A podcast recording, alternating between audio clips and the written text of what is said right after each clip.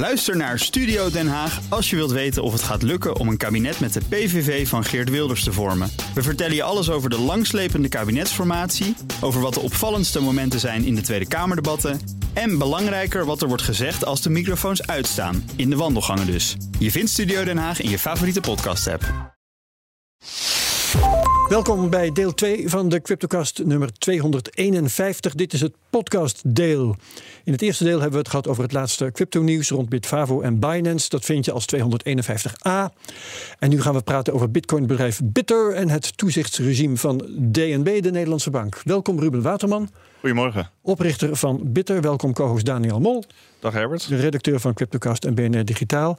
En voor we beginnen eerst het volgende. Mijn, mijn eerste poging om bitcoin te kopen, die heb ik gedaan in 2013. Een bitcoin kostte toen 100 euro. En ik ging naar Bitonic. Volgens mij was dat op dat moment de enige in Nederland. En ik bestelde vijf bitcoins. Eh, betalen met Ideal, dat kon toen al. Behalve dat in mijn geval de transactie werd afgebroken. Want ik was niet geautoriseerd of zo'n soort melding kreeg ik voor mijn neus. En of ik de afdeling fraudebestrijding van ING wilde bellen. En daar, dat deed natuurlijk, daar kreeg ik een preek. Of ik de risico's wel begreep. En nou ja, uiteindelijk werd de blokkade natuurlijk opgeheven. Eh, ik begreep de risico's. Een dag later kon ik die transactie alsnog doen. Maar ja, toen was de bitcoin wel 10% gestegen. Dat was uh, zelfs voor de bitcoin een beetje veel. En ik dacht, ik wacht wel even tot de prijs weer is gezakt naar uh, 100 euro. Dat is nooit meer gebeurd. En toen ik in 2014 terugkwam bij Bitonic, toen was de prijs inderdaad wel gezakt. Maar hij was gezakt naar 500 euro. Mooie tijden, Herbert. Ja, dat waren nog eens tijden. Dat waren nog eens tijden. toen kon de bankje nog gewoon tegenhouden. En dat deden ze ook. Um, maar goed, uh, daar is van alles over te zeggen wat we nu niet gaan doen. Um, ik vermeld nog even dit. Als je graag luistert naar de CryptoCast, vergeet je dan niet te abonneren. Want dan ben je elke week direct op de hoogte van de nieuwste aflevering. Mooi, heb ik genoeg gepraat. Ik wil van um, uh, Ruben weten, wat heb je allemaal gedaan sinds je in, uh, welk jaar was het eigenlijk, 2018 of zo, dat je uit Nederland bent vertrokken? Een uh, jaar eerder, 2017. 17. Ja. ja. Je bent uh, weggegaan uit Nederland, ook fysiek. Woon je hier niet meer? Ja, ik heb eerst in Cyprus gestudeerd. Daar hebben we het de vorige keer bij de, bij de vorige ja, CryptoCast ja, over gehad. Klopt. En toen daarna ben ik naar Portugal verhuisd. Portugal, ook uh, waar een vriendelijk klimaat is, zowel meteorologisch als uh, qua crypto en vermogen, hè, als ik me niet vergis. Absoluut. Voor mij was het vooral om het weer te doen. Maar, uh, ja. Om het weer te doen, oké, okay, ja, dat zeggen ze allemaal. Die, die studie was digital currencies of zo? Ja, master in digital currency. Ja, schitterend. Ja, ja een, master, een masterstudie uh, Universiteit van Nicosia. Hè? Wat zei je? Heb je daar veel aan gehad? Um, nou, eigenlijk Bitter komt er wel uit voort. Ja, okay. Want dat was mijn afstudeerproject. Maar voor de rest, uh, wow, ik, ik zou het nu niet meer aanbevelen. Ja, net als mijn studie eigenlijk. Net als jouw studie. Ik zou het ook niet aanbevelen. Want dat is, leg de luisteraars even uit. Uh, het heet nu Creative Business in Amsterdam. Dus uh, doe het niet, mensen. Nee, Oké. Okay. Het was uh, best leuk, maar ja, Goed, ik zat het over mijn studie maar niet hebben. Dat is helemaal niet relevant. Um, ja, die, die studie is Cyprus. Oké, uh, Bitter opgezet als onderdeel van die studie. Uh, waarom precies? Wat, wat bracht je tot het idee voor Bitter? Automatisch sparen in, uh, in bitcoin? Ja, het kwam eigenlijk een beetje voort uit een Amerikaanse app. En die heet Acorns. En toen ik in Amerika woonde, was dat zeg maar de app die ik gebruikte om te sparen. En dat was gewoon heel simpel. Je stuurde daar iedere week 20 dollar naartoe. En zij gingen dat beleggen. En dat was voor mij zeg maar de meest toegankelijke manier om te beleggen. Want via de, via de bank ik vond het allemaal maar spannend. En zij maakte het heel simpel. En toen dacht ik dus, uh, ja, zoiets moet er eigenlijk ook zijn voor Bitcoin. En dat was ook de opdracht in de studie. Oké, okay, die Amerikaanse iets... club, dat was niet in Bitcoin. Dat was. Uh, nee, dat was gewoon aandelen, aandelen ETF's. Ah, ja, ja. ja. oké. Okay. Um, dat heb je dus uh, gemaakt voor Nederland. En je hebt net in de, uh, de CryptoCast op de radio verteld. Sommige mensen hebben dat misschien niet gehoord. Dat je er ook bewust voor kiest om de bitcoins die je koopt voor je klanten niet voor hun te bewaren, maar om het terug te sturen naar hun eigen wallet. Dan, ja. dan regelen ze maar een eigen wallet. Ja, klopt. Dus de onboarding is misschien iets moeilijker als bijvoorbeeld bij een partij als Bitfavo, waar je gewoon even een account aanmaakt. En ja. in, je kan meteen beginnen. Uh, als je Bitter wil gebruiken, dan moet je voordat je begint zelf een Bitcoin wallet hebben. Komt er waarschijnlijk op neer dat je op die manier niet zo snel groeit. Want je hebt een drempel, je werpt een barrière op voor je klanten. Ja, dat klopt. Maar dat is een bewuste keuze. Ja, ja. Enig idee hoeveel jou dat scheelt? Geen idee. Nee. maar het nee, scheelt in ieder geval heel, heel, een hele hoop gezeur. Eh, Als het fout gaat. als het Ja. fout gaat, is zeker, ja. Eh, ik, ik ga gerust naar bed s'avonds. Uh, Ja. Ik weet dat ik, zeg maar, voor, namens mijn klanten heb ik geen enkele cent op mijn bankrekening of in mijn Bitcoin wallet. Dat is allemaal Nee. bitters geld. Nee, En je, dat is gewoon een heel gerust gevoel. ja, je kunt wel zeggen dat is een keus die andere cryptobedrijven maken. Eh, je kunt gewoon die bitcoins die je voor je klanten koopt één op één aanhouden. Hè. Dan heb je ze altijd liggen als de klanten ze terugvragen. Maar er staat tegenover, zul jij waarschijnlijk uitleggen dat je het wel moet beveiligen. En die Ja. zorg heb je hoe dan ook. Ja, precies. Oké, dat is eh, helder. Ehm, de reden waarom je hier zit is dat je met je bedrijf naar Zwitserland bent verhuisd. Dat was naar aanleiding van de anti-witwasregulering die werd opgezet. Hè. Eh, het heet een registratie. Iedereen weet dat het een vergunning is of een licentie, heb jij het daarnet eh, genoemd. In elk geval anti-witwaswetgeving. Ehm, vertel even in het kort hoe jij dat hebt beleefd. Ehm, ja, op de nu kwam dus dat bericht naar buiten van oké, AML D5 komt vanuit, vanuit de EU. En ik dacht in eerste instantie van, oh, nou, dat is wel oké. Eh, alles wat hierin staat moest ik toch al doen, eh, want anders kreeg ik geen bankrekening. Aha, Ja. oké. Eh, dus so far so good. En toen kwam eh, de Nederlandse vertaling, nog steeds so far so good. En toen kwam de, de eerste correctie van DNB van, oh nee, maar we willen het eigenlijk zo en zo en zo doen. En toen begon ik al een beetje onderbuikgevoel te krijgen. Van, Nou, oh, wat was die correctie dan? Eh, nou, dat, dat was eigenlijk de introductie van het vergunningssysteem. Ah, oké. Het verkapt vergunningssysteem. Want die richtlijn was eh, best wel redelijk. Ja. Eh, en- De, de Europese richtlijn, Ja. jazeker. Want die eh, was expliciet registratie. ja, en die Hè? registreren doe je en een vergunning Waarvan, die krijg je. dat zei minister Hoekstra toen. Ja. Ja. Van Financiën destijds. Ja. Oké, ehm, maar het werd ingewikkelder. Je moest aan, aan meer eisen voldoen. En het begon meer op een vergunningssysteem te lijken. En uiteindelijk wat voor mij eh, de doorslaggevende factor was dat je ook per se een compliance officer in dienst moest hebben. Dus ik moest zeg maar naast mezelf, eh, de- ja, je kan geen compliance officer van jezelf zijn. Eh, dus dat werd ook een probleem. En ja, toen kwam alles samen en ik dacht, weet je, het is goed, ik stop ermee. Ja, want dan ben je geen eenmansbedrijf meer. En dat wil jij graag zijn. Ja. Waarom eigenlijk? Eh, rust. Gewoon dat Ja. ik kan doen wat ik zelf wil. En ik, ik reis ook veel, dus ik heb al, als ik mijn laptop heb, kan ik werken. Ik vind het gewoon heerlijk om, om geen mensen te hoeven managen en dat het gewoon allemaal loopt. Ja, en een compliance officer, stel dat het daarbij zou blijven, waarschijnlijk niet. Eh, dat is dan toch sowieso iemand die je in dienst moet hebben en die je moet betalen. Het zijn sowieso eh, behoorlijke kosten.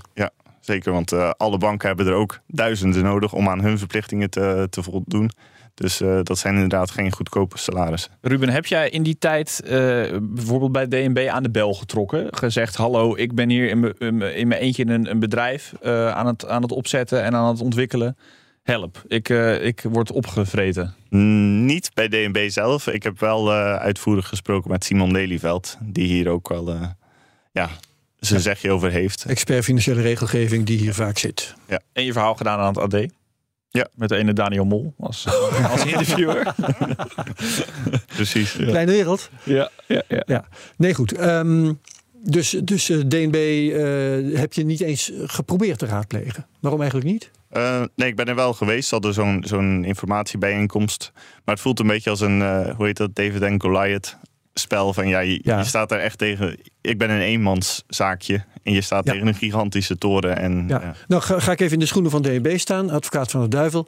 En dan zeg ik, ja moet je horen, je zit in de crypto business. Dat is een ingewikkelde business. Daar is gewoon een compliance officer voor nodig. Want eh, dat moet allemaal serieus en goed geregeld zijn. Dus we hebben eh, in de crypto business is helemaal geen plaats voor eenmansbedrijven. Nou, ik, ik zie, dat was zeg maar, vanaf het begin al een beetje een frustratiepunt voor mij. Van, dat moet allemaal risicogebaseerd zijn. Mhm. En eh, de mensen die mijn platform gebruiken, die sparen 25, 50, misschien 100 euro in de week. Dat zijn geen criminelen. En, en het, toezicht wat er dan nu bij komt kijken, dat, dat doet alsof ik een, een of andere gigantische bank ben. Ja, oké. Eh, maar nou komt er een dag dat eh, iemand bij jou zich meldt, een rekening opent, ik weet niet of je het zo mag zeggen, een transactie aanbiedt van eh 10.000 euro. Noem maar dat. Dat is, dat is waarschijnlijk dan bijzonder hoog voor jou. Wat doe jij dan? Eh, inmiddels zou ik die ook gewoon eh, een volledige KYC moeten laten doen. Eh, want ik mag maar tot 999 euro per dag verkopen aan Bitcoin in Zwitserland. Per klant? Ja. Ja, oké. dus in Maar- Zwitserland is daar ook een bepaalde grens voor. Ja, Ja, maar voorheen in Nederland had dat wel gekund in feite. Eh, nee, toen had ik eigenlijk zelf een vrijwillig limiet ingesteld van 5000 euro. Oh ja. Maar daar was, daar was helemaal geen wetgeving voor of wat dan ook. Dus dat was gewoon een soort van niveau waar ik me comfortabel bij voelde. Ja. Als iemand Ja, dus ja, af en toe 5000 euro stuurt, ja prima. Eh, maar dat iemand die dat iedere dag zou doen, die had ook bij de Nederlandse bitter zich moeten identificeren. Oké, Ja. ja, ja, ja. Het was gewoon intern AML KYC-beleid. Dat had je gewoon zelf bedacht. Het is eh, waarschijnlijk wel goed om dat zo te doen. Ja, maar ook met. eh, ik, ik, zat, ik bankierde toen bij Bunk. En zij hadden dat ook wel als verplichting dat je een, een degelijk eh EML KYC-beleid moest hebben. Voordat je een bankrekening krijgt. Juist. Dus eh, je noemde net de, de Zwitserse regels. Eh, nu, eh, nu- en, en sommige dingen moest je eigenlijk toch, toch al doen omdat je een bankrekening had. Hè? Dat is wat je nu ook weer vertelt. Ehm, dus linksom of rechtsom waren er toch ook allerlei beperkingen die eh, hielpen bij, eh, bij het voorkomen van witwassen. Om Ja. zo te zeggen. Ja, absoluut. Ja, ja, ja. Ehm, uiteindelijk heb je toch gezegd, ja, hier in Nederland eh, is geen, blijkbaar geen plaats meer voor mij. Hoe is dat precies gegaan? Hoe is dat besluit gevallen? Ehm, ja, het was, het was dat moment waar ik er dus achter kwam van ik heb die compliance officer nodig. En ehm, dat kwam eigenlijk samen met. Ik dacht dat zodra de wetgeving in zou gaan, dat je dan zes maanden de tijd zou hebben om compliant te worden of om je registratie bij DNB te regelen. En toen eh, vertelde Simon Lelyveld me van nee, dat klopt niet. Als je je aanvraag niet compleet hebt binnen of hebt ingediend bij DNB voor deze en deze datum, dan moet je per direct stoppen. Ja. Dus eh, dat was zeg maar nog een beetje, hoe zeg je dat, de druppel van oh oké, nou dat, Ja, nu is het echt klaar. Ja, Ehm, ja, en toen was ik er ook, om eerlijk te zijn, was ik ook wel echt helemaal klaar mee. En ik dacht van, eh, dit ga ik nooit meer doen en eh, zoek het maar uit. En eh, gelukkig was op, ik was al bevriend met Leon, de oprichter van Stacking toen de tijd. Mhm. En wij zijn toen zeg maar samen gaan werken aan Stacking. En dat is inmiddels, hebben, we- ja, zijn we samengevoegd met Setspec. Eh, en daar heb ik een maand of zes, zeven gewoon lekker aan gewerkt. Ja. Want wat doet of deed stacking? wij geven setspec, dus cashback, maar in de vorm van bitcoin. Dus mensen die shoppen bijvoorbeeld bij booking.com of wat Ja, dan ook. ja. En dan krijgen ze een klein percentage. Een soort zegeltjes sparen, maar de zegeltjes zijn bitcoins. Precies, ja. Oké. Ehm, En met Lightning. Ja, absoluut. met Lightning zelfs nog Absoluut. geïntegreerd. Oké, mooi. Ehm, toen eh, heb je gekozen voor Zwitserland. Je hebt dat in ons radiodeel heb je dat al verteld. Enfin, het is eh, eh, buiten de EU, maar eh, nog lekker in de buurt, om maar zo te zeggen. Ja. Eh, wat zijn verder de overwegingen? Ehm, voor andere landen? Of? Nee, voor Zwitserland. Ah. Of je kunt ook vertellen, vind ik ook wel interessant, welke andere landen je hebt overwogen. Eh, het enige andere land waar ik naar heb gekeken is Estland. Omdat zij zich Oh ja. profileerden als een eh, bitcoin-vriendelijke omgeving. Ja. En nou valt het, uiteindelijk viel dat ook best wel tegen. En ehm, had je eigenlijk min of meer dezelfde regels en verplichtingen. Ja, Malta niet aan gedacht? Eh, nee. Waarom niet? Wat was het met Malta? Nou, daar, is, daar is hier eh, eh, door sommige gasten wel eh, hoog van opgegeven. Hoe goed het daar was. Maar dat kan ik Er verder zitten ook niet. een hoop bedrijven volgens mij. Er zitten een hoop cryptobedrijven. Ja, ja. Malta wil ook een belangrijk ook cryptoland. veel. Ja. Sommige mensen Maar zeggen dat het hetzelfde Estland, is. Estland was dus eh, in die tijd ook eh, bezig met die AML D5. eh dat was Ja. een EU-land natuurlijk. Ja. In- de- die waren dat ook aan het implementeren. En dat was niet zo heel erg crypto-vriendelijk dus. Ehm, nou, op zich, het was allemaal wel. Het, hetgeen wat goed geregeld was in Estland, was dat je het allemaal eh, online zou kunnen doen. Dus je, ja. je, hebt zeg maar die. eh, Je hoeft er niet naartoe om daar een bedrijf te hebben. eh, nou, dat, dat was uiteindelijk de tegenvaller. Dat moet wel. Oh, dat moet toch weer wel. Je, mag alles van tevoren online regelen. Je hebt Ja. ook zo'n eh, zo'n online kaartje om zeg maar, je bedrijf te registreren. En Ja. daar onderteken je alles mee. Je, je interacties met de KVK en überhaupt met de overheid. Maar dan de drempel was dat je uiteindelijk, moet, als je crypto dingen doet... dan moet je in Estland een kantoor hebben met iemand die daar zit. En, Oké, dus niet alleen een brievenbus. Ja. Hoe Dan zit dat zit je in? ineens in Estland. Ja, dan zit je maar eens in Estland. Wat eh, toch wel eh, een cultuurschok kan zijn. Het is eh, vast een leuk land. Maar het is wel heel anders dan Nederland. eh, alleen al qua klimaat. Ja. Denk ik. Ehm, Oké. Ehm, hoe groot was Bitter op het moment dat jij hier stopte? Ehm, toen zetten we ongeveer 3 miljoen euro per maand om. 3 miljoen per maand. En nu? Eh, vijf. Vijf. Oh, dat is, eh, dat is geen grote groei. Het gaat heel, eh, heel We gestaag. hebben het over vier jaar. Eh, ik ben nu Vijf? twee, twee, twee jaar in eh, Zwitserland bezig. Oké, maar dan nog. Dus eh, cryptobedrijven groeien vaak. eh, ja, je, je kunt zeggen het is een bear market nu. Hoe, Ja, maar dat zijn dus de bedrijven die, eh, nou zien we nu dus ook achteraf FTX-achtige risico's nemen soms. ja goeie, goed punt. goed Dat is, dat is Ja. een fundamenteel verschil met wat Ruben doet, die gewoon een heel simpel businessmodel eigenlijk heeft geïmplementeerd en gewoon dat aan het uitbouwen is en makkelijker aan het maken is en beter laat werken. Maar verder. Is het ook niet zoveel, zeg Nee, ik. het is niet heel spannend. Ja, Nee, dat is juist je kracht. Helemaal in deze je schuift gewoon wat kwartjes heen en weer. Dat is eigenlijk waar het op neerkomt. Eh, niet om denigerend te doen, maar het is wel leuk om het tot zijn essentie terug te brengen. Ja. Ja, Ehm, oké. En, en hoe werkt de bear market voor jou? Hoe, hoe- heb je nu veel minder omzet of maakt het juist Nee, helemaal niet uit? Nee, nee, nee. Eh, november was nu een van mijn beste maanden ooit. Dus Omdat mensen de dip kopen. ik denk het, ja. Interessant. Ja, misschien is het publiek wat Ruben dan ook aantrekt eh, heel erg die mensen die dan echt in de filosofie van dat stacking sets geloven. Ja. Dus dollar cost average elke maand of elke niet week. mensen die in paniek raken. Of, Precies. eh, integendeel juist. Dat is natuurlijk een ander soort klant. En eh, bij Ruben, daar komen we zo nog wel even op, maar moet je ook je adres een message laten signen. Met je private key moet je een message signen om te, om te verifiëren dat jij het bent. Nou, dat, is allemaal, dat zijn allemaal dingen. Je coins in eigen beheer nemen. Dat zijn allemaal dingen die iets geavanceerder zijn dan, dan eh, Jan op de straat met de pet die eh, in paniek raakt en alles verkoopt bij Ja. Binance. Ja, absoluut. Ehm, als het eh, over Nederland en bedrijfsleven gaat, dan wordt hier vaak gesproken van het ondernemersklimaat. Eh, toen die eh AMLD5-wetgeving eh, werd ingesteld hier, toen werd ook gezegd van nou ja, je jaagt bitcoinbedrijven het land uit, cryptobedrijven, innovatief enzovoort. Ehm, hoe zou jij het ondernemersklimaat in Zwitserland beschrijven? Prima. Eh, zeg maar de, de oprichting van de BV zelf, oh ja, Twitter zal het eh, equivalent daarvan, ging allemaal heel makkelijk. Ehm, Heb je dat heel snel moeten doen trouwens? Want je hoorde dus van Simon, Lelyveld, eh, er is een deadline. nee, ik, ik had ook, ik had eerst voorgenomen om helemaal te stoppen met Bitter. En het kwam pas na een maand of zes, zeg maar, toen ik een beetje bedaard was. toen, Je, je, je hebt een sauna gebouwd in de tuin van je ouders volgens mij. hè? Ja, dat klopt. Dat klopt. Ik had even iets anders aan mijn hoofd nodig. Dus eh, Ja. ik ben de handyman geweest. Prachtig, ja. eh, Terwijl al die tijd Bitter wel doorfunctioneerde. Nee, nee, toen was het klaar. Het, je, was, je was ook echt gestopt. Ja. Oké. Ben je ook helemaal opnieuw begonnen in Zwitserland? Of heb je toch nog klanten mee weten te krijgen? Eh, nee, ik ben helemaal opnieuw begonnen. Het Helemaal was opnieuw wel begonnen. eh, ook op advies van Simon van ja, je kan eigenlijk niet eh, die Nederlandse klanten meenemen. Je, moet ze weer opnieuw gaan, gaan vinden. Daar. Waarom niet? De, de regels die verbieden dat op een of andere manier? Niet zozeer, maar als je, dan, als je dat doet, dan spreek je wel weer Nederlandse mensen aan. Ja, en dat mag niet. Hè? Je Nee. mag je nu niet meer op, Nederlandse, Nee, op de. Nederlandse markt richten. Ja, klopt. Officieel mag het inderdaad niet, maar Nou ja, de praktijk wijst uit dat het heel lang duurt voordat je een keer een boete krijgt. eh, je hebt het over Binance. Ja, en, een soort gelijke partij. Coin- eh, nee, nee, even kijken hoor. Coinbase was eh, een van de anderen. Maar Coinbase Ja, heeft geen boete gehad, maar bijvoorbeeld eh, volgens mij had Qcoin eh, nu een waarschuwing gekregen. Oh ja, die was het. Ja, dat schiet allemaal niet op, maar goed. Ja, ja, ja. ja.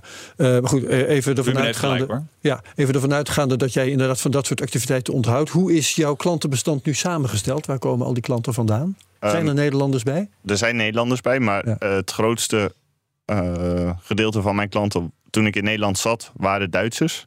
En dat is nu Oh. nog steeds zo. Oké. Ja. Hoe komt dat? Omdat er gewoon meer Duitsers zijn? Zo simpel kan het misschien wezen. Zo simpel kan het zijn. En er zit ook veel meer een spaarmentaliteit in de, onder, onder de Duitsers. Ja, ja, ja. En blijkbaar ook komen ze op het idee om dat in crypto te doen. Ja, nou, bitcoin specifiek. Bitcoins. Oh, Oh ja, jij doet eh, alleen bitcoin. Ja. Dat is Heel een goed. keus die eh, Daniel heel goed kan begrijpen. Ja, kom op. Ja. En, en Ja. eh, ha- eh, heb je makkelijk een, een bankrekening kunnen krijgen in Zwitserland? Nee, dat was, dat was zeer problematisch. Nog even op, op Herbert's dingen terugkomen van hoe het ondernemersklimaat is. Ja. Op zich, alles met de overheid is, is goed geregeld. Maar qua eh, banken lijkt het heel veel op, op wat er hier in Nederland gaande is. Dus dat het gewoon voor bitcoinbedrijven ontzettend moeilijk is om een bankrekening te krijgen.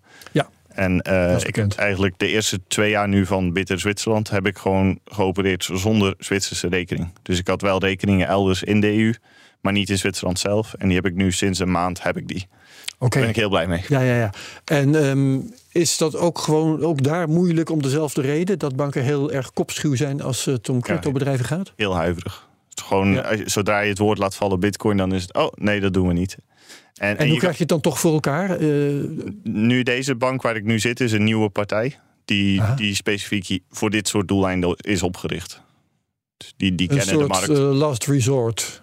Of, of, of een, een eh, nieuw bedrijf dat anders denkt over eh, hoe erg Precies, dat is. tweede. Dat tweede ja. Ja, ja, ja. Ja, en in feite is natuurlijk, dan komen we weer terug op dat, dat Ruben's business zo simpel is. Eigenlijk is er helemaal niet zo heel veel risico. Nee, maar dat, dat kun je dus een bank niet duidelijk maken. Ja. Zodra zij het woord bitcoin zien, dan is het al... oh nee, Ja. he- gigantisch de, risico de doen we niet. van de, de, het systeem waar we nu een beetje in zijn beland, wereldwijd is dat misschien wel. Maar inderdaad, ja. ja. En als ik nu bij jouw klant wil worden, met wat voor KYC-regels krijg ik dan te maken? Wat moet ik allemaal eh, doen? Wat voor hoepeltjes hou je me voor?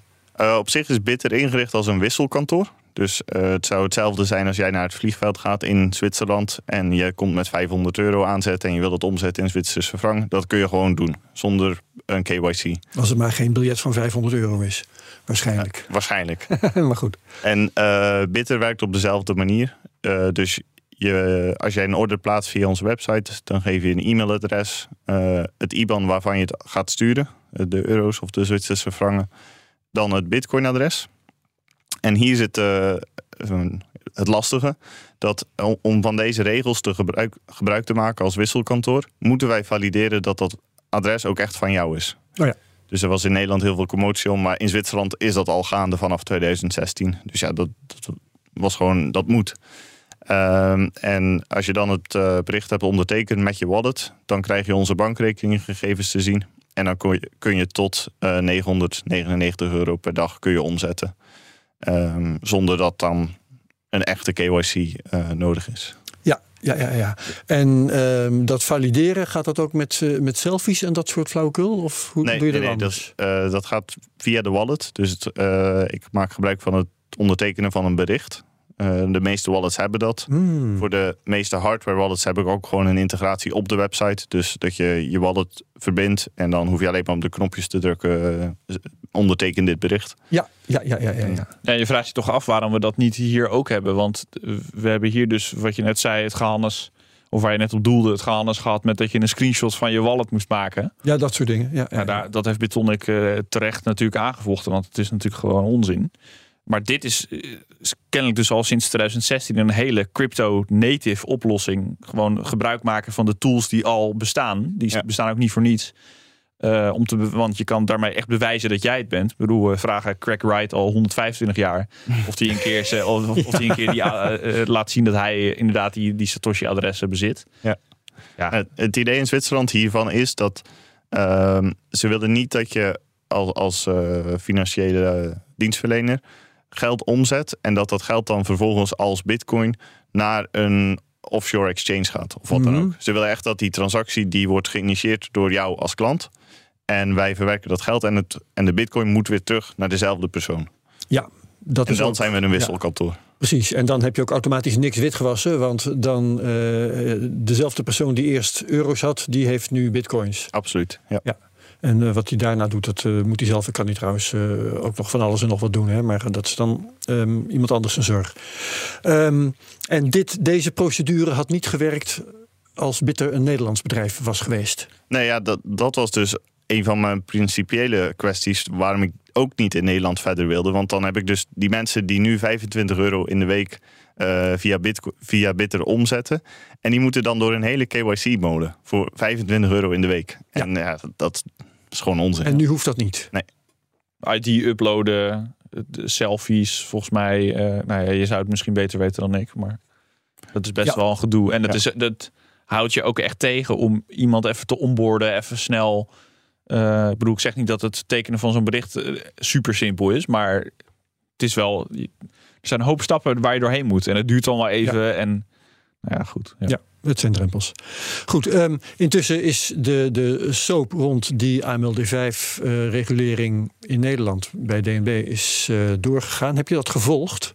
Met de kosten en eh, de handhaving en al eh, die ellende meer. Om eerlijk te zijn, zo weinig mogelijk. Met een brede, Ja. met een brede grijns, zegt hij het. ja, ik zag af en toe wat headlines voorbij komen, maar ik ben heel blij dat ik hier eh, weg ben. Ja, oké, dat, is, eh, dat is vervelend om te horen.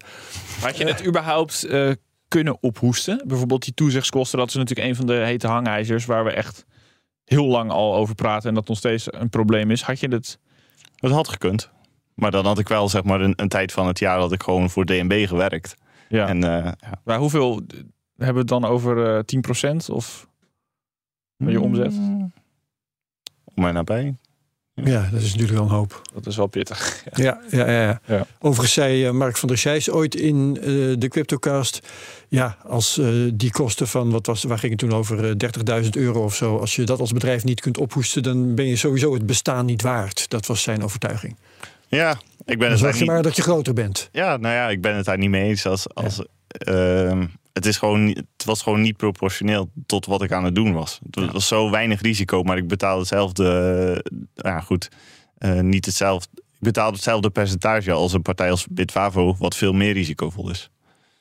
Ik snap ook wel waar Mark vandaan komt. Want het is natuurlijk gewoon, als, Ja. je, als je serieus bedrijfje wil spelen, dan moet je ook serieus die kosten kunnen betalen. Alleen het mooie aan Bitcoin en het mooie aan het bedrijf van Ruben is gewoon dat het gewoon, ja, je bedenkt gewoon iets en het werkt. En dat, als dat voor mensen een oplossing is, dan heeft dat in principe recht van bestaan. Ja, absoluut. Ja, ja. En eh, ja, als je dan geen 30.000 euro kan ophoesten. Ja. ja, ja. Nee, kleine bedrijven moeten er ook kunnen zijn. Dat, eh, dat ben ik helemaal met je eens. Helemaal in deze markt. Ja, ja, ja. Ehm, goed.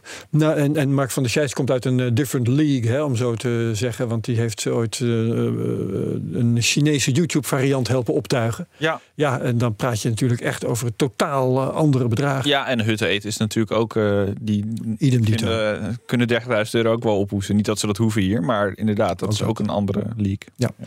Nou gaat de eh, reguleringscarousel gewoon door, Ruben. Want er komt nu MICAR aan. Hè. Wat was het ook alweer? Ehm, in crypto assets. Wat was het ook weer in crypto Markets assets? in crypto Markets in assets. crypto assets. Regulation. Regulation, precies. De R die is, eh, is er soms bij en soms niet. Maar goed, dat komt eraan. Ehm, is dat voor jou nog eh, aan de orde in Zwitserland?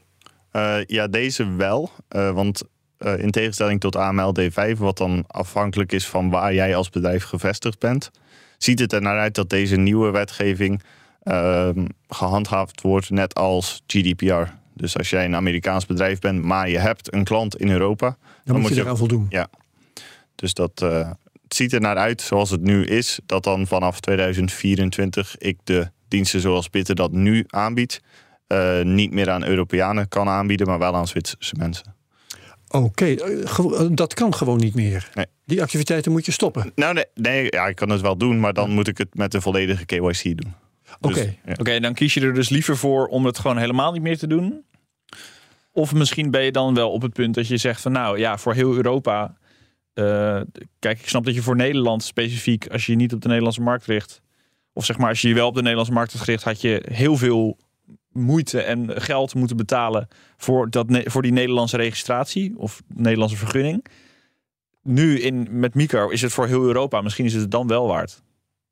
Ehm, weet ik nog niet. Op zich is, is zeg maar Ja. de- het aandeel wat ik nu in Zwitserland heb, is ook, ook prima. Maar eh, het overgrote deel is wel Europees. Eh, dus ik zal daar de afweging moeten maken van is het de moeite waard om het alleen voor Zwitserland aan te bieden?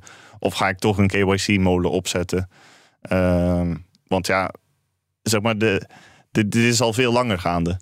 En Ja. dit is wel de trend van, jij, we, ik heb nu ook maar een uit, uitweg gevonden, gezocht Ja, in ja, ja, ja. Zwitserland. En, en dat, dat is dan misschien nog Een goed voor de paar paadje om Ja, even precies, precies. zijn Nederlands te zeggen. Ja. Ja. Ja. Maar en volgens mij heb je nu wel een jongen die eh, de compliance zou kunnen doen, heb je nu in huis, toch? Ja, dat klopt. heb je nog niet verteld, maar we hebben Nee. een voorgesprek. Oh, oké. Ja. Ja, ja. Dus eh, dat is wel een leuke side story. Dat eh, een van mijn voormalige klanten van Bitter in Nederland was een Zwitserse jongen, bitcoiner. En die is advocaat in zijn dagelijkse bestaan. En ehm, toen, in, toen ik nog in Nederland zat, zou hij me gaan helpen met de, met de bankrekening aanvragen in Zwitserland. Gewoon als, als een soort van backup. Dat mocht er iets misgaan met de bunk bankrekening, dat ik dan in Zwitserland een optie had. Aha. Dus we waren al in contact en we hadden elkaar een paar keer ontmoet. En toen ik dus na zes maanden geen bitter meer te doen, eh, bedacht van nou, eigenlijk zou ik wel weer door willen. En dan in Zwitserland had ik hem dus benaderd van hey, zullen we dit niet samen doen? En eh, zodoende heb ik dus nu een Zwitserse advocaat aan boord. Ehm, en de, de vraag is dus gewoon eh, in 2024 ga ik eh, voor heel Europa blijven bestaan en dan eh MICAR compliance optuigen? Of ga ik stoppen met Europa en me alleen nog maar op Zwitserland richten? Want jij zegt eigenlijk, daar kan ik ook van leven. Ja, precies. Ja, wat bescheiden. ja, ik bedoel, Ja, de meeste ondernemers heel dit gesprek. denken eh, alleen maar aan groei, groei, groei. Stay humble, stack set. Ja, Ja, nou ja, oké. fair ja, ja. inderdaad. En Maar je weet dus nog niet wat er uit de bus gaat komen. Nee, nee. Dat is nog ver weg. En na Mika houdt het waarschijnlijk niet op, hè? Want er wordt nog steeds geroepen om meer regulering. Die zal er ook best wel komen. Helaas. Ja, Ja, nou ja. ja, misschien, ja, inderdaad. Ja. En hoe, ze- hoe, ze- heb je een beeld van je? Je hebt natuurlijk best wel wat concurrentie. Heb je een beeld van wat die gaan doen? Want kan me voorstellen dat op een gegeven moment wordt het natuurlijk wel een nauw verhaal met, met en die regulering en dat je alleen in Zwitserland dus ja, want wie zegt dat in Zwitserland de regels niet strenger worden en dat je Dat ook daar nog, ja. ook eh, of iets moet optuigen of moet stoppen? Dat zou kunnen, maar op zich gaan dat soort dingen in Zwitserland heel langzaam. dus dat, dat is een voordeel, denk ik. Ja, Eh, Ja. dat je, je hebt de, op zijn minst heb je tijd om jezelf voor te bereiden. Want waarom is dat dan? Dat vraag ik me dan af. Ik bedoel, in de EU gaat het ook langzaam, volgens mij. Zwitserland is gewoon een heel langzaam land. Is dat zo? Nee, maar leg nee, het maar even uit, Ruben. Ehm, het is allemaal veel gedecentraliseerder. Dus je- je- niemand kan zeg maar zomaar beslissingen maken. Oh ja, oké. dus want er is ook niet echt een. eh, het is allemaal in die kantons allemaal ingedeeld, toch? Ja, of zo? ja. Ja. ik heb daar een keer. eh, ja. Taleb schrijft daar zelf over. Oké. Dat ben ik nu aan het lezen om in slaap te komen. Ja. Ehm, en eh, Ruben, als je eh, verder kijkt, dan kun je je ook nog afvragen, ehm, letterlijk verder, eh, kun je niet je diensten buiten Europa... Heb je op dit moment buiten Europese klanten? Nee. Sowieso niet? Nee. Want dat kan natuurlijk ook nog. Hè? Je kunt ook nog kijken, kan ik ehm, mijn bedrijfsvoering eenvoudig houden... door me gewoon te richten op de markt buiten Europa... als Europa zelf te ingewikkeld wordt? Ja, dat zou kunnen. Dan, maar dan zou ik het echt opzoeken op een, op een compleet nieuwe markt. Eh, waar dan zeg maar bitcoin populair is. Eh, ik noem maar iets Nigeria of El ja, Salvador. ja, inderdaad. Afrika. Ja, ja. Als, ik, het- als het gewoon hier niet meer te doen is, dan, eh, dan zie ik daar wel een leuke uitdaging in. Want de software heb ik allemaal. Het is dan net weer een, een kwestie van het verbinden met de lokale betalingssystemen. eh, waarschijnlijk mobile money dan, als Ja, het. Nigeria zou worden. Ja, ja, ja, ja. Ja. Dus dat is wel iets wat je achter de hand houdt, om zo te zeggen. En hoe kijk je daar in het algemeen naar? Want je bent al, eh, nou, als, we een, als, we een, als ik een smakelijke kop zou moeten bedenken voor een krantartikel, dan ben je weggejaagd uit Nederland. Eh, je bent een vluchteling, een DNB-vluchteling.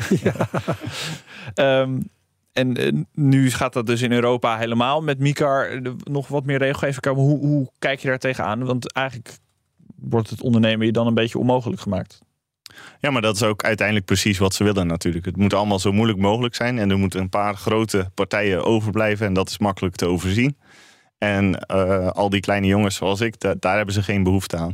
Het klinkt een beetje als een complottheorie. Eh, ze, zijn tegen kleine bitcoinbedrijven. Ja, dat, ik denk wel dat dat speelt bij de ECB. Zo van, Ja. eh, we willen, dat, daar zijn ze ook, zelfs met banken zelf zijn ze daarmee bezig. We, we, we willen gefuseerde banken. We willen een paar grote banken. Die moeten overblijven. En al die kleine banken, ja, liever niet.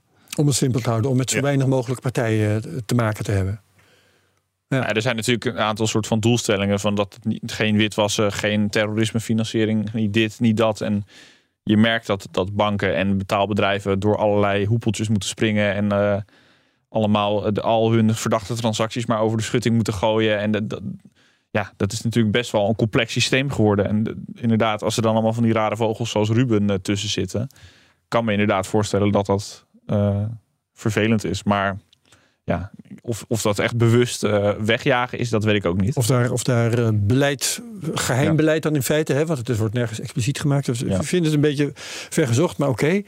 Ehm, maar goed, dus dat zijn, dat zijn de opties voor jou. Hè. In Zwitserland blijven, eventueel eh, nou ja, eh, Afrika eh, exploreren. Ehm, verder nog andere ondernemingen in de zin? Oh, zeker. Dus ik, ik zei net al even dat toen ik net met Bitter gestopt was, toen ben ik dus samen gaan werken met Leon van Stacking. Dus dat, dat ja, eh, doen we nu al twee jaar, denk ik. Mhm. Ehm, weet je, is iedereen bekend met wat Setspec is? Dat Nou, je hebt net, net verteld dat hè, de, de zegeltjes, maar dan in de vorm van bitcoin. Precies. Ja, ja, ja, ja. Ehm, en eh, ik ben kort geleden ben ik samen met mijn vriendin ben ik nog een, een, eh, een klein side project begonnen. Eh, en dat is Snailmail. En wat ik daarmee wil bereiken is dat je dus via de website van Snailmail even snel een brief kan typen. Je betaalt een Lightning invoice en dan is die, die brief die wordt de volgende dag bezorgd. Op papier. Op papier. Ehm, ja, dat, eh, volgens mij zijn er wel uh, Hallmark-achtige bedrijven die dat doen met kaarten. Ja, precies. Maar niet met Lightning, Herbert. precies. Niet met Lightning. Um, dat, is, uh, dat is leuk. Vooral als, uh, om, om erbij te vertellen. Hè, want je kunt betalen in bitcoin en zo. Maar aan wat voor behoefte voldoet dat? Geen idee. Maar ik, had, oh. ik vond kan je het gewoon, niet schelen. Nee, nee, ik vond het gewoon leuk om te bouwen. En uh, ik, ik heb laatst, uh, toen moest ik een brief sturen naar de Belastingdienst. En toen dacht ik van, oh ja, moet ik naar de post? Uh, lastig. Dus toen heb ik gewoon zo'n dienst online gebruikt om een brief te sturen. En ik dacht van, oh okay. ja, dit is leuk. Alleen het probleem bij die dienst was dat je, je moest 10 euro storten. En ik heb maar één brief verstuurd. Ja. Oh, ja. Dus ik dacht gewoon van, oh, ik zou dit, als ik dit had kunnen doen met de Lightning Invoice, dan had ik dat wel leuk gevonden. Bespaart je de moeite om naar de briefbus te lopen en een postzegel te regelen. En ook, ik heb thuis geen printer. Dus ik moest ook naar kantoor om, om die brief te printen en dan... Nou, ik moet je eerlijk zeggen dat als je uh, via dit soort diensten voortaan geen printer meer nodig hebt, dan, ik ken wel iemand die dat een heel groot voordeel zou vinden. Ja. Daniel Mol. Nee, mijn, mijn vrouw. Ja, nou, okay, nou, dan hebben we al twee mensen. Ja, er zijn er al twee. Hey, en ik ben heel goed. benieuwd, nog even terugkomen op, op Setsback uh, voor een stacking. Uh, heb je daar dan met regelgeving te maken? Want je bent natuurlijk ook met bitcoin en crypto bezig. En... Ja, maar daar, we doen daar geen... We beheren niks, we zetten niks om. Dus het is gewoon echt een, een bitcoin bedrijf op zich. Wij geven bitcoin gratis weg. Uh, ja, maar is dat zo? Want je krijgt natuurlijk...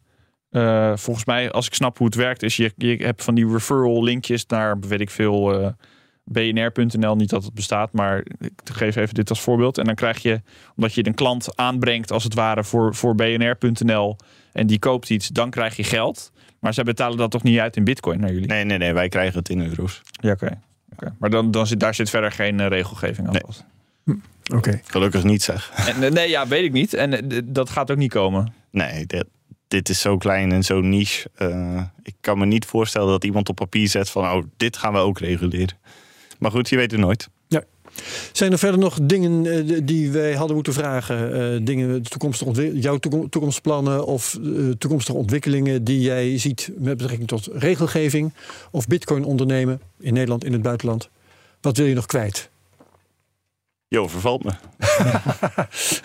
ja, ik ben wel benieuwd hoe je, hoe je, hoe je de, de, toekomst van Bitcoin ziet met al deze. Ik bedoel, je bent een Bitcoiner, je hebt een Have Fun Staying Poor sjaal uh, uh, van Bitter, mooi, mooi sjaal. Uh, maar ik ben benieuwd hoe, hoe, hoe zie je die toekomst met alles wat we kunnen verwachten? Ah, mijn filosofie daar is nog steeds Bitcoin doesn't care. Uh, zeg maar, hm. dit, dit soort dingen. Het, is allemaal, het maakt het allemaal een stap lastiger. En het, het zal misschien de adoptie wat vertragen. Maar uiteindelijk komen we er wel. Uh, ja. Waar komen we? Hyperbitcoinization. Serieus, dat is wat jij verwacht? Ja. Dat uh, er alleen nog maar bitcoin is? Centrale banken doen er alles aan om zichzelf kapot te maken. Dus we hoeven alleen maar lang genoeg te wachten. En dan gebeurt het vanzelf. Hoe doen ze, uh, wat doen ze om zichzelf kapot te maken? Geld printen. Ja, ja, precies. Dat, uh, dat werk. Ja, ja, ja. oké. Okay. Goed. Nou, um, die hyper-bitcoinization, die wachten we dan nog even af. Zeker. Als we, als we daar zijn, dan mag je terugkomen. Yes. ik denk misschien voor die tijd ook nog wel een keer. Ja hoor. Uh, ik dank je wel, Ruben Waterman van Bitter. Veel succes. dank voor jullie uitnodiging. Dat was een genoegen. Veel succes uh, daar in Zwitserland en in Portugal. Uh, Daniel Mol van uh, de Cryptocast-redactie en van BNR Digitaal ook hartelijk dank. Dank u. En um, even kijken naar de toverformules uh, die ik nu nog moet uitspreken. Uh, ik ben bijna is... klaar, jongen. Ja, ik ben bijna klaar. ik zat... moest het draaiboek even een beetje verder scrollen. Um, Delen met je volgers op Twitter. Gebruik de at CryptoCast.nl. Het moet allemaal in de goede volgorde ook. Reviews achterlaten op Apple Podcast. Zijn we beter te vinden. Like, subscribe en comment op YouTube. En iedereen uh, die geluisterd heeft, bedankt. En tot volgende week bij de CryptoCast. Tot kijk. Hoi.